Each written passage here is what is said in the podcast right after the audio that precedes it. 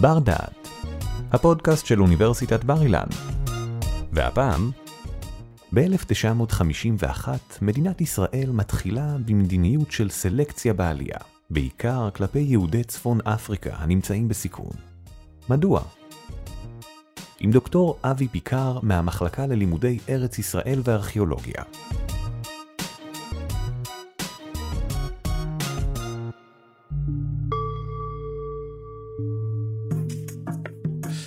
קמה מדינת ישראל, החלה לזרום עליית רבבות. שני עקרונות הכווינו אותה, עליית הצלה והכללת כל היהודים בעולם, כולל יהודי ארצות האסלאם בעלייה.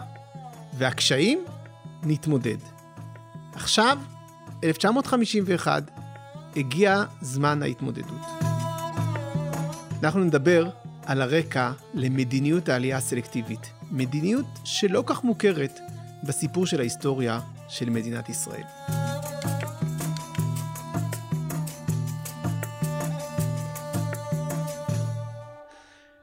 הדרך לעלייה המונית בשלושת השנים הראשונות של מדינת ישראל, 1948 עד 1951, הייתה תולדה של שתי הכרעות. העלייה תהיה עליית הצלה, כל מי שרוצה יבוא, וגם יהודי ארצות האסלאם ייכללו בתוכנית. והתוצאה הייתה 680 אלף עולים בשלוש וחצי שנים, הכפלה של האוכלוסייה, תופעה חסרת תקדים בהיסטוריה העולמית, כאשר מחציתם הם מארצות אסיה ואפריקה. והתולדה תהיה מה שחששו ממנו כל השנים. האחד, מצוקה פיזית וכלכלית עקב אימוץ העיקרון של עלייה המונית, והשנייה, פחות דיברו עליה, אבל כמובן הטרידה אנשים, עיבוד הרוב האירופאי והתדמית האירופאית. עכשיו חשוב להבין, בעיני בני התקופה, העיקרון של רוב היהודי, רוב אירופאי לא היה כל כך חשוב, כמו שהוא נבע מזה שזה היה ההרכב של העם היהודי. ב-1948, 90% מהיהודים בעולם היו יהודים אירופאים שחלקם היגרו לאמריקה. יהודי אסיה ואפריקה היוו פחות מ-10% מיהדות העולם. ואילו העלייה לארץ ישראל הייתה לא פרופורציונלית מהבחינה הזאת. יהודי אסיה ואפריקה, 10% מיהדות העולם, מהווים 50% מהעולים. יהודי אירופה מהווים את ה-50% האחרים. יהדות אמריקה לא מיוצגת בכלל. היו קולות שקראו באותם שנים להגביל את העלייה, בעיקר מבחינה מספרית, אבל גם קולות בודדים שהסתייגו מההרכב ומהמוצא של העולים. הקולות הללו נדחו. מי שעמד בראש המחנה שדחה את הקולות להגביל את העלייה, היה ראש הממשלה, דוד בן גוריון. ב-1951, ראש הממשלה משנה את דעתו. למעשה כולם משנים את דעתם. הם לא אומרים את זה כך במפורש, כי גם משהו משתנה במצב הגיאופוליטי. עד 1951, היהודים שנמצאים במצוקה, היהודים שנמצאים במקומות שבהם יש סכנה לביטחונם, כמו למשל בעיראק, שיש סכנה למצבם הפיזי, כמו בתימן, או שיש סכנה לחירותם, כמו ברומניה או בפולין, מרבית היהודים מארצות הללו עולים לארץ. מי לא עולה? יהודים שחיים טוב במערב אירופה, בארצות הברית, או קבוצה גדולה של יהודים בצפון אפריקה, שאומנם לא משגשגים, אבל הם לא נרדפים. הם חיים תחת שלטון קולוניאלי שמבטיח את ביטחונם. והקבוצה הזאת לא עולה.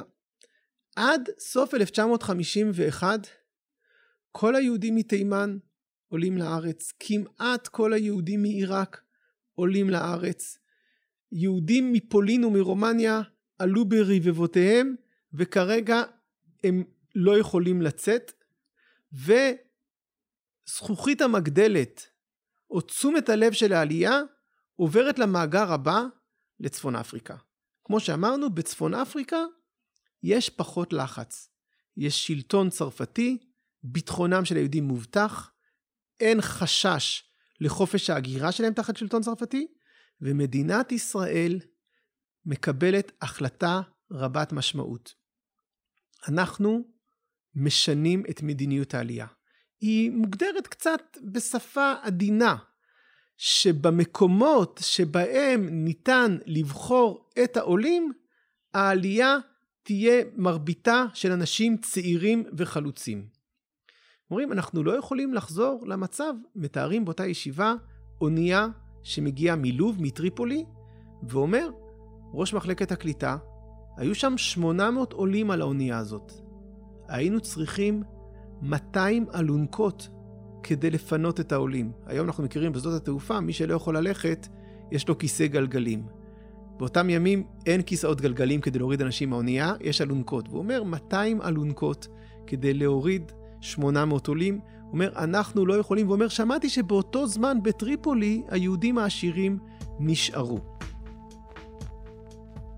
מתחת לפני השטח, בין השורות, אנחנו יכולים גם לשמוע איזושהי הסתייגות מהעובדה שמרבית העלייה מגיעה מארצות האסלאם. ובאחת ההזדמנויות אומר גיורא יוספטל, ראש מחלקת הקליטה, תראו, יכולנו פעם לעשות דברים נהדרים, להקים מושבים רחוקים, מעברות במדבר.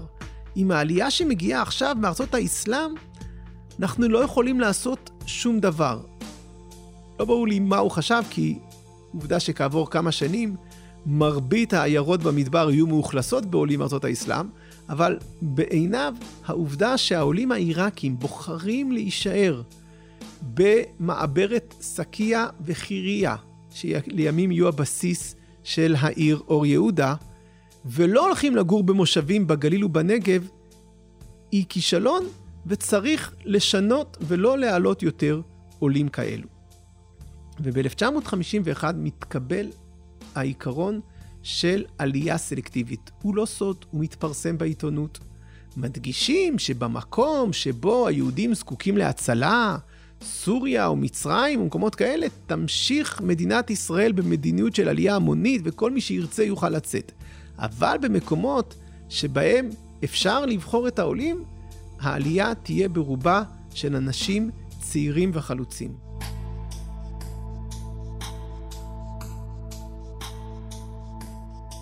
למעשה, אין כאן המצאה חדשה. מדינת ישראל חוזרת למדיניות שהתנועה הציונית נקטה במהלך רוב השנים של המנדט הבריטי. העלייה נועדה לתרום לכלכלה ולפיתוח הארץ. יותר מזה, התנועה הציונית מאמצת תפיסת עולם של מדינות הגירה. מדינות הגירה מאפשרות שמהגרים יגיעו אליהם בתנאי שהם בריאים, מסוגלים לעבוד, ותורמים לכלכלת המדינה. מדינות הגירה לא פותחות את הדלת בפני זקנים, חולים, נכים וכולי. מדינת ישראל שונה הייתה. מדינת ישראל לא הייתה מדינת הגירה, היא הייתה מדינת שיבה. מדינה שאומרת זכותם של האנשים להגיע לכאן היא לא בגלל שהם תורמים לכלכלה, אלא בגלל שזאת מדינת היהודים. וכמדינת היהודים, דלתותיה פתוחות לכל היהודים הנזקקים. עכשיו, באופן קצת מסויג, תוך אמירה שמדובר רק במקומות שבהם היהודים לא זקוקים להצלה, מדינת ישראל הופכת להיות מדינת הגירה. אנחנו פותחים את הדלת בפני האנשים שיתרמו לנו. אנחנו אנשים שיבואו, צריכים להתחייב לעבוד בעבודה חקלאית, צריכים להיות צעירים עד גיל 35, הם צריכים להיות בריאים אחרי בדיקה רפואית, והמינוח ש... מתקבל, עדיין אין לו האסוציאציות שיש לו בימינו, הוא סלקציה, העלייה בגדר הסלקציה. זה לא מילה שקשורה לשואה ב-1951. יש אנשים שתוקפים את הממשלה על המדיניות הזאת, והממשלה אומרת, העלייה היא חופשית, כל מי שרוצה, כל מי שיגיע לארץ ייכנס. העלאה, כלומר, החיפוש של הסוכנות אחרי מועמדים, שצריך לממן אותם, ולממן את הנסיעה שלהם, ולממן את הקליטה שלהם, העלאה בארצות שבהם היהודים לא נרדפים, מיועדת רק לאלה שתורמים לבניינה ולביצורה של מדינת ישראל.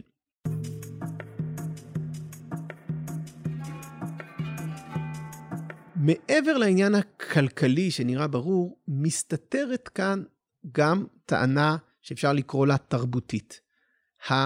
הרצון לשמור על הזהות. אחד הדוגמאות הטובות לעניין הזה באות לידי ביטוי בהעדפה שניתנה לעליית הנוער.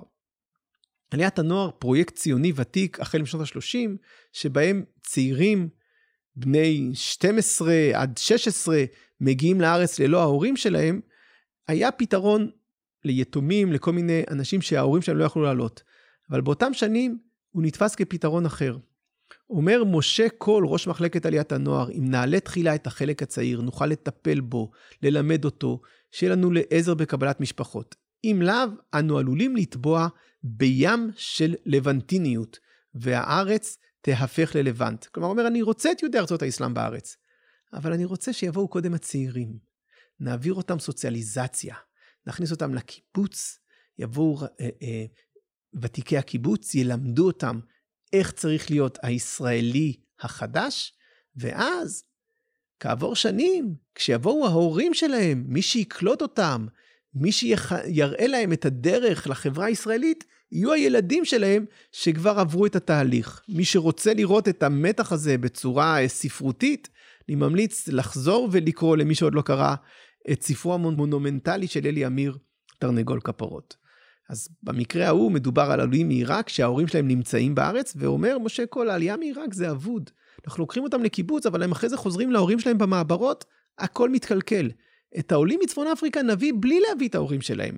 ואז ההורים שלהם לא יחזירו אותם לאחור, ככה זה נתפס בעיני משה קול, אל אותם מערכת ערכים ונורמות של אה, החיים בצפון אפריקה. אה, וההסבר הזה, התרבותי, אמנם לא ההסבר המרכזי, אבל בנימוקים לתמיכה בעלייה סלקטיבית, הוא נמצא שם מתחת אה, לפני השטח. עכשיו, המדיניות הזאת מיושמת די מהר, בעיקר בצפון אפריקה. ובשנים הראשונות לפחות, היא לא כל כך משמעותית, מכיוון שהיא נתקלת מהצד השני בעובדה שבצפון אפריקה היהודים אומרים, אנחנו לא כל כך רוצים לבוא לארץ לישראל. היהודים הצפון אפריקאים שהגיעו בשנים 49-50 נתקלו ביחס מאוד שלילי.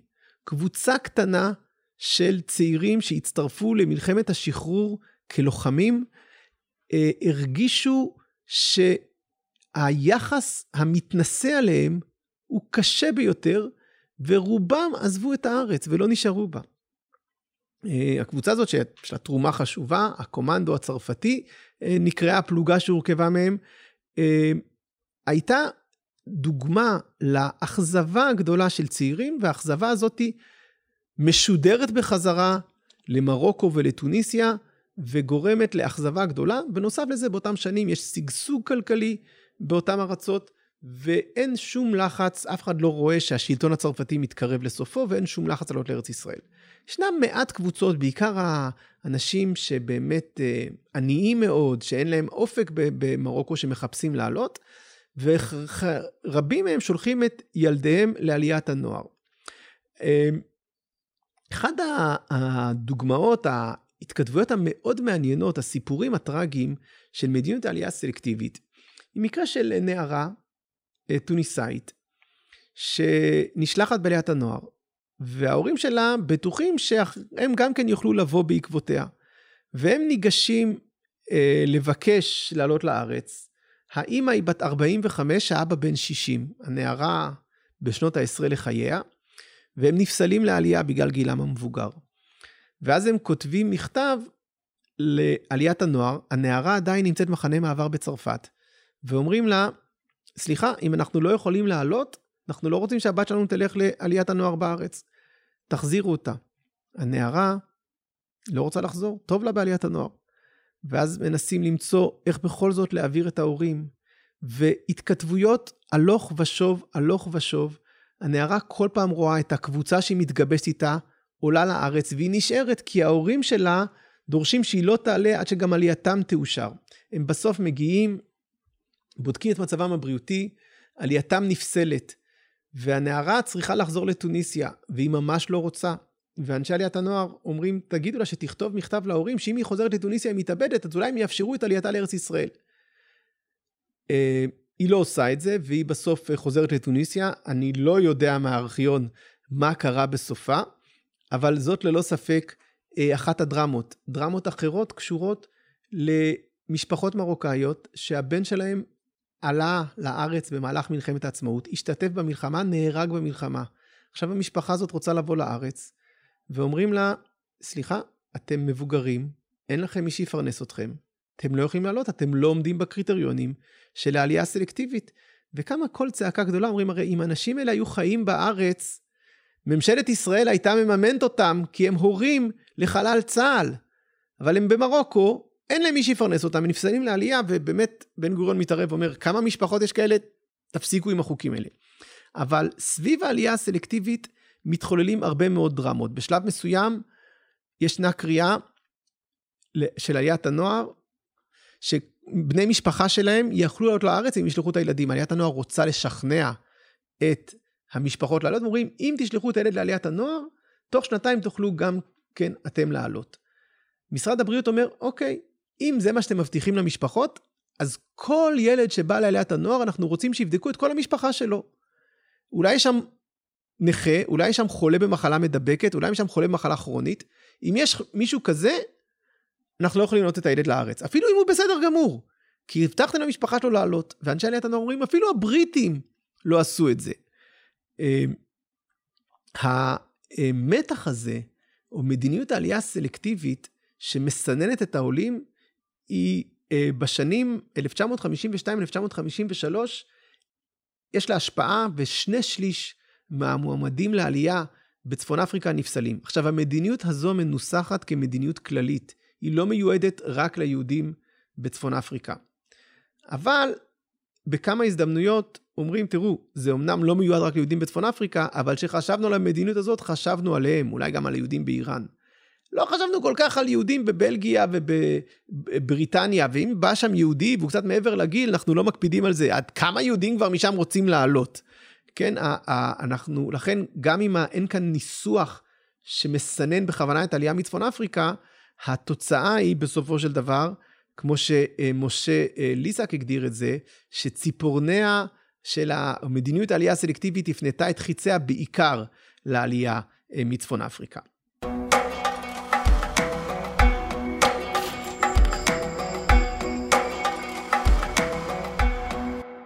ב-1954 קורה משהו בצפון אפריקה שמשנה את המוטיבציה לעלייה.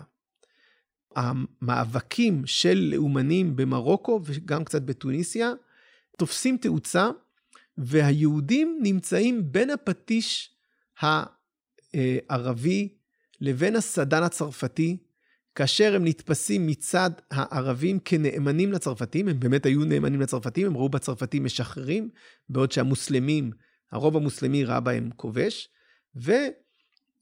ובהרבה מאוד מקרים, כמו האירוע שקרה בעיירה פטיז'אן באוגוסט 1954, יהודי ששוטר צרפתי פקד עליו להסיר את תמונתו של המלך, סמל העצמאות המרוקאי, שהודבקה לחנות שלו.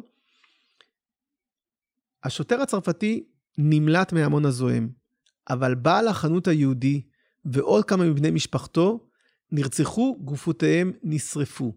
והפוגרום הזה מחלחל לתודעה של יהודים במרוקו, ומקיץ 1954 משרדי הסוכנות מתמלאים בתור ארוך של אנשים שנרשמים לעלייה. אם עד אז הדרישה לעלייה באה בעיקר מהשכבות שהוגדרו על אנשי הסוכנות כאלה שאין להם מה להפסיד, עכשיו נרשמים לעלייה בני המעמד הבינוני, אנשים מבוססים, המגזר שנקרא לו מתמערב, כלומר אנשים ששוחים בתוך התרבות הצרפתית, שדוברים תרבות צרפתית, והתנועה הציונית אומרת, וואו, מגיעים לנו פתאום אנשים הרבה יותר איכותיים. חלק אומרים, תראו, הדימוי הכל כך שלילי שנוצר בארץ על יהודי מרוקו, דימוי שאפילו הומחז אה, במחזה קזבלן, שהפך כעבור אה, שנים לסרט, אה, שמציג את היהודי המרוקאי כצעיר אלים, הוא תולדה מזה שמי שבאו לארץ עברו דרך מסננת שהביאה באמת צעירים שהסתובבו ברחובות במלח אל הארץ. אבל עכשיו באים משפחות, אנשים משכילים, בני המעמד הבינוני, זה משהו אחר לחלוטין. לכאורה, על פניו, העובדה שגם במרוקו ישנה מצוקה, אמנם יש עדיין שלטון צרפתי, אבל לא ברור עד מתי, ישנו מאבק לאומי, היהודים נפגעים ממנו, הנה, זה הזמן להפסיק את מדיניות העלייה הסלקטיבית.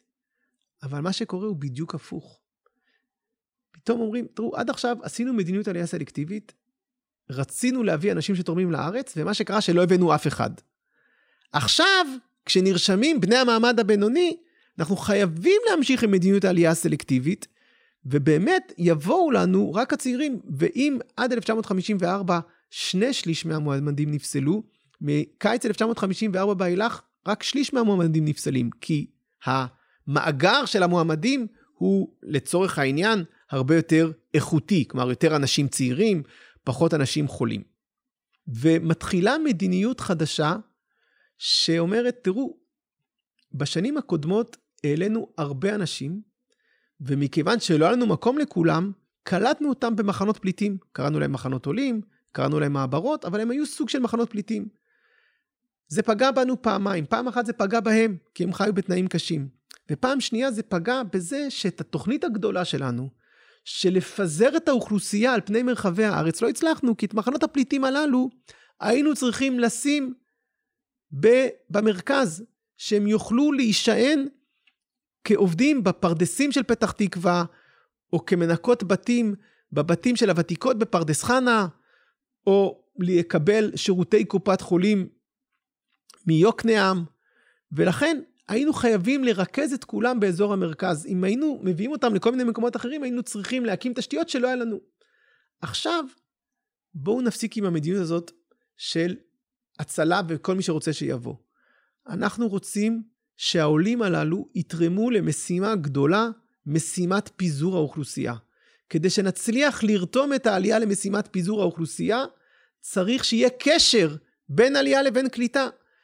אנחנו מביאים לארץ אנשים אם יש לנו עבורם בתים מוכנים. ואיפה הבתים הללו? במקומות שאנחנו רוצים שהם יגורו.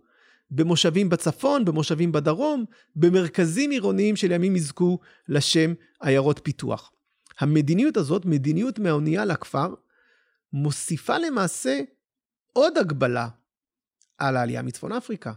אם ישנה הגבלה שנקרא לה סינון, כלומר מי שחולה, מי שזקן, מי שנכה לא יכול לעלות לארץ, יש לנו גם ויסות.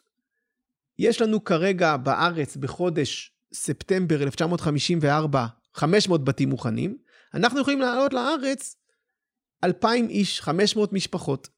אם יהיה לנו ביקוש יותר גדול, אם יש לנו 2,500 עולים, אנחנו נדחה את 500 העולים שנרשמו אחרונים לחודש אוקטובר. מה קורה בחודש אוקטובר? יש לנו 500 שנרשמו בספטמבר, יש לנו עוד 2,500 שנרשמו באוקטובר, כי כל הזמן הביקוש לעלייה גדל. כמה בתים מוכנים? 2,000. אוקיי, מעלים 2,000, עכשיו אנחנו דוחים לחודש נובמבר 1,000 איש, כי יש לנו כבר, היה לנו 3,000. וכך בעצם, מה שקורה בצפון אפריקה, שהתור לעלייה הולך ומתארך. והתפיסה שמשתרשת בארץ היא שהעלייה חייבת להיות בהתאם ליכולת הקליטה. אם אין לנו בתים, לא נביא עולים, כי אנחנו לא רוצים לחזור למעברות. והמצב שם לא כזה גרוע. זאת לא עיראק, שראש ממשלת עיראק איים, אנחנו נגרש את כל היהודים שלא תעלו אותם. זאת לא תימן שאנשים חיים במחנות ומתים בהמוניהם. במרוקו עדיין השלטון הצרפתי קיים. יש מלחמה נגדו, אבל אין עדיין פוגרומים. ומי שאומר, רגע, רגע, רגע, אתם רוצים, מתי נחליט שאנחנו מעלים את כולם? לפני הפוגרום או אחרי הפוגרום? והדילמה הזאת מלווה ובעצם ויכוח מתנהל בתוך הסוכנות, בתוך הממשלה, בתוך הכנסת, בין גופים שונים. בואו נשנה את המדיניות, בואו נעבור למדיניות של עלייה המונית, או בואו נישאר באותה מדיניות. באחד הדיונים אומר לוי אשכול למתווכחים איתו, לוי אשכול הוא שר האוצר, באמת איש עם המון השפעה בארץ, אומר, צ'מפיון, חכמים גדולים. אתם באים אליי בטענות, תראו, גם אני עשיתי את זה. אתם יודעים מתי עשיתי את זה?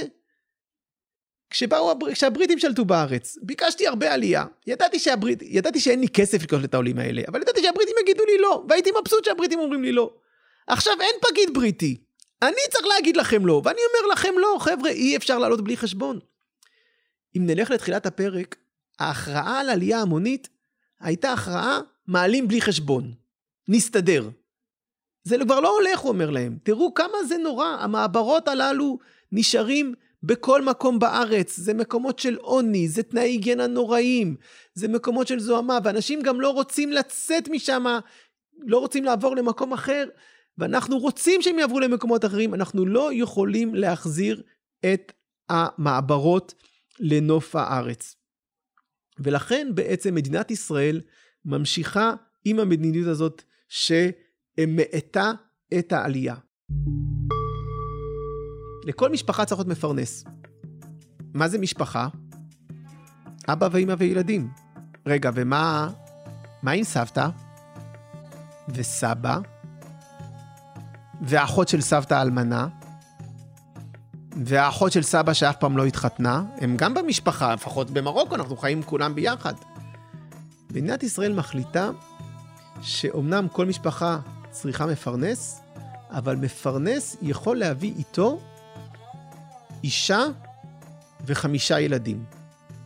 רגע, רגע, חמישה ילדים? מה עם משפחות שיש להם יותר מחמישה ילדים? תופעה לא מאוד חריגה במרוקו. נמצא פתרון. למשל, את הילדים הגדולים אפשר יהיה לשלוח בעליית הנוער, ואז הם לא נחשבים על חשבון המפרנס. וההגבלה הזאת אה, נשארת, ומגיעים, יש לנו מקרה מתואר אה, בעיתון, שמגיע אני, אני עכשיו אה, אקרא את הכתבה אה, מדבר. היה שם באחת העיירות בחור אינסטלטור, התיאור הוא של שליח העלייה. גבר בריא וחבוב, ועימו שבעה ילדים חמודים, מסודרים לפי הגובה, מגיל 12 עד גיל שנתיים. אמרנו לו כי לא יוכלו לעלות עם יותר מחמישה ילדים. בהתחלה היה בטוח שאני מתלוצץ. פשוט עמד לו וצחק, מרוצה על שהבין את המעטלה. אבל מעט מעט החלו הדברים חודרים להכרתו. נורא היה בזעמו. אדוני! סינן מבין שיניו והציץ בי כאילו הייתי חיה. אדוני! לפתע זינק ממקומו, תפס את שתי הפעוטות בצווארם והחל, והחל מהדק את בועניו. אתה רואה? שניים אלה צעק. אני חונק אותם על המקום. ימותו השניים ויחיו החמישה. עכשיו, ברוב המקרים זה לא קרה, אף אחד לא הרג, המטרה הייתה באמת למנוע את העלייה של סבא וסבתא. ויש לנו מקרה אחר, שמתואר באותו מצב, מתאר גם עיתונאי שמגיע ומתאר את העבודה של הצוותים שמסננים את העולים, שמגיע עולה, הוא בריא, הכל בסדר, אומרים לו, אין בעיה, אבל את ההורים שלך אתה לא יכול לקחת איתך. והוא מתלבט, מתלבט, מתלבט. ובערב פוגש אותו העיתונאי, אחרי שהוא כבר יצא, כנראה באחד הרחובות, אומר לו, תראה, אני החלטתי שאני לא עולה לארץ. מצוות כיבוד הורים חזקה עליי. בתורה כתוב, כבד את אביך ואת אמך, למען יאריכון ימיך על הארץ. אבל אני לא בטוח שהתורה התכוונה, כשהיא אמרה על הארץ, לארץ מרוקו. אני צריך להכריע בין ארץ ישראל לבין ההורים שלי, אני מכריע עם ההורים שלי. המתח הזה מלווה את העלייה כל הזמן. וכל הזמן יש חשש שהמשא ומתן בין מרוקו וטוניסיה לבין צרפת מתקדם, ומה יקרה כשהם עוד מעט יקבלו עצמאות, כפי שכנראה יהיה, והם יחליטו שכמו שאר ארצות ערב, הן לא מאפשרות ליהודים לצאת. והדילמה הזאת נמשכת, והיא מתגברת והולכת. אנשים אומרים, צריך להעלות את כולם עכשיו ארצה. זהו, זה כמו עיראק. לוותר על ההגבלות, לוותר על הסינון, לוותר על הוויסות, לוותר על הסלקציה. בן גוריון אומר, תראו, תראו, המצב מאוד מאוד מסובך. אם היה המצב כמו ב-1949-50, לא הייתי עושה חשבון, אבל השנה היא 1955. כל רגע עלולה לפרוץ מלחמה עם מצרים. ואם יהיה לנו כאן 200 אלף עולים שחיים במעברות בזמן שיש מלחמה אדירה עם מצרים, אנחנו לא נוכל לעמוד במלחמה הזאת. אני נאלץ לקבל הכרעה קשה. אנחנו לא נוכל להעלות את יהודי מרוקו. באיזשהו מקום בן גוריון באמירות האלה אומר, אני תמכתי בעלייה כי העלייה הייתה תרומה מאוד גדולה לדמוגרפיה. תמכתי בעלייה גדולה מתוך שיקולי בניין, כמו מקס נורדאו ב-1920. עכשיו, כשאנחנו בדילמה ואנחנו לא צריכים את הדמוגרפיה והעלייה הגדולה פוגעת לנו בביטחון, אני שם את העלייה בצד. ועומדת מולו שרת החוץ, גולדה מאיר, ואומרת לו, אני מתביישת, אני לא יכולה לדמיין איך אני אעמוד שעה אחרי שהיהודים במרוקו נאסר עליהם לצאת, ואני יודעת שכשיכלו לצאת, אני הצבעתי נגד עלייה המונית. אני לא יכולה להסתכל על עצמי, ואני יודעת שזה לא טוב מעברות, ויהיו סקנדלים, אבל אני לא אוכל להסתכל על עצמי. וגולדה מאיר שלימים הדביקו לה, ולדעתי שלא בצדק, את התפיסה הגזענית, כי אמרה הם אינם בחורים נחמדים, עומדת בוויכוח הזה כנגד הפטרון שלה, כנגד בן גוריון, ומתעקשת, תעלה את יהודים, והיא, והיא מפסידה בוויכוח הזה. וכאשר ממשלת מרוקו הופכת להיות עצמאית, אחד הצעדים הראשונים שממשלת מרוקו עצמאית עושה, זה להפסיק את העלייה, להפסיק הנפקה של דרכונים, לגרש את שליחי הסוכנות. בתוניסיה מאפשרים לעלייה להמשיך, אבל במרוקו 100 אלף יהודים שכבר נרשמו, שכבר היו בצינור, שעברו בדיקות, שעברו תהליך, שהיו בהמתנה, שתיארנו אותה הולכת ומתארכת, נתקעים במרוקו ולא יכולים לצאת. ומדינת ישראל באותו רגע תופצת את הראש ואומר, וואו, מה עשינו? איך שיחקנו עם האפשרות להעלות אותם כשיכולנו ולא העלינו אותם? וברגע הזה, מדינת ישראל שהיססה מסיבות כלכליות ואחרות להשקיע כסף, משקיעה כסף ומסכנת סוכני מודיעין שלה כדי להקים במרוקו גוף חשאי שיעסוק בהברחה בלתי לגלית של היהודים ממרוקו. גוף חשאי שיפעל במשך חמש שנים, שיזייף דרכונים ויבריח אנשים בספינות ו... ויסכן את חייהם של סוכנים ישראלים כדי להעלות בכל חודש כמה עשרות ואם מאות אנשים, כאשר כמה חודשים לפני כן אפשר היה לעלות אלפים בלי חשבון. באיזשהו מקום מדינת ישראל מתקנת את העוול שהיא עושה בגוף הזה, ובסופו של דבר הפעילות הזו והשיא הדרמטי שלה והטרגי שלה בתביעה של אונייה עם 44 נוסעים, האונייה אגוז, לחץ בינלאומי בעקבותיה על ממשלת מרוקו, אנשים רוצים לצאת, תנו להם לצאת, מביאה ב-1961 את ממשלת מרוקו להגיד, אתם יודעים מה? יהודים רוצים לצאת? אל תדברו על זה, אנחנו לא רוצים שנאצר יושב לנו על הראש, מה פתאום אתם שולחים יהודים לישראל. אל תעשו מזה סיפור, בלי תקשורת.